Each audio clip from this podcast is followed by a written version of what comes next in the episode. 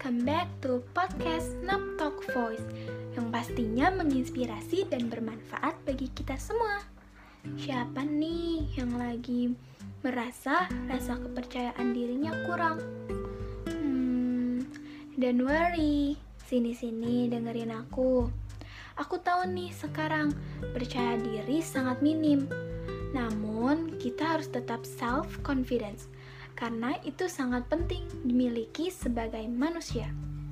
Dan kita harus terus maju, walaupun kita nggak tahu deh hasilnya akan seperti apa. Yang penting pede aja dulu dan berusaha sesuai kemampuan kita. Kuncinya adalah yakin. Karena nyatanya mencintai diri sendiri itu lebih sulit loh daripada mencintai orang lain.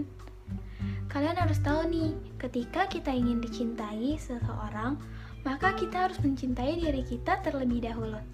Karena bagaimana seseorang itu bisa mencintai pada diri kita, sedangkan diri kita sendiri pun tidak bisa mencintainya.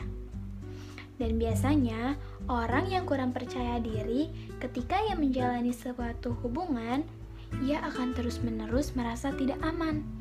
Karena ia terus berpikir, apakah dirinya sudah pantas untuk dicintai atau belum? You are more than that, guys. Please don't be too quick to judge somebody. Accept yourself and improve. Dan satu hal yang harus kalian ingat, kalian tuh gak sendirian di dunia ini. Tanpa kalian sadari, sangat banyak orang yang peduli dan sayang pada kalian. Aku pernah baca kutipan dari Dr. Julie Smith, If you're only kind to yourself when you think you deserve it. It's a bit like only watering a plant when it flower you gotta give yourself a chance to bloom. Sekian dari aku Zevanya Serafim Rompis. Jadi bagi kalian yang masih merasa kurang percaya diri, yuk sekarang mulai menerima diri sendiri dengan kekurangan dan kelebihan yang ada dalam diri kita.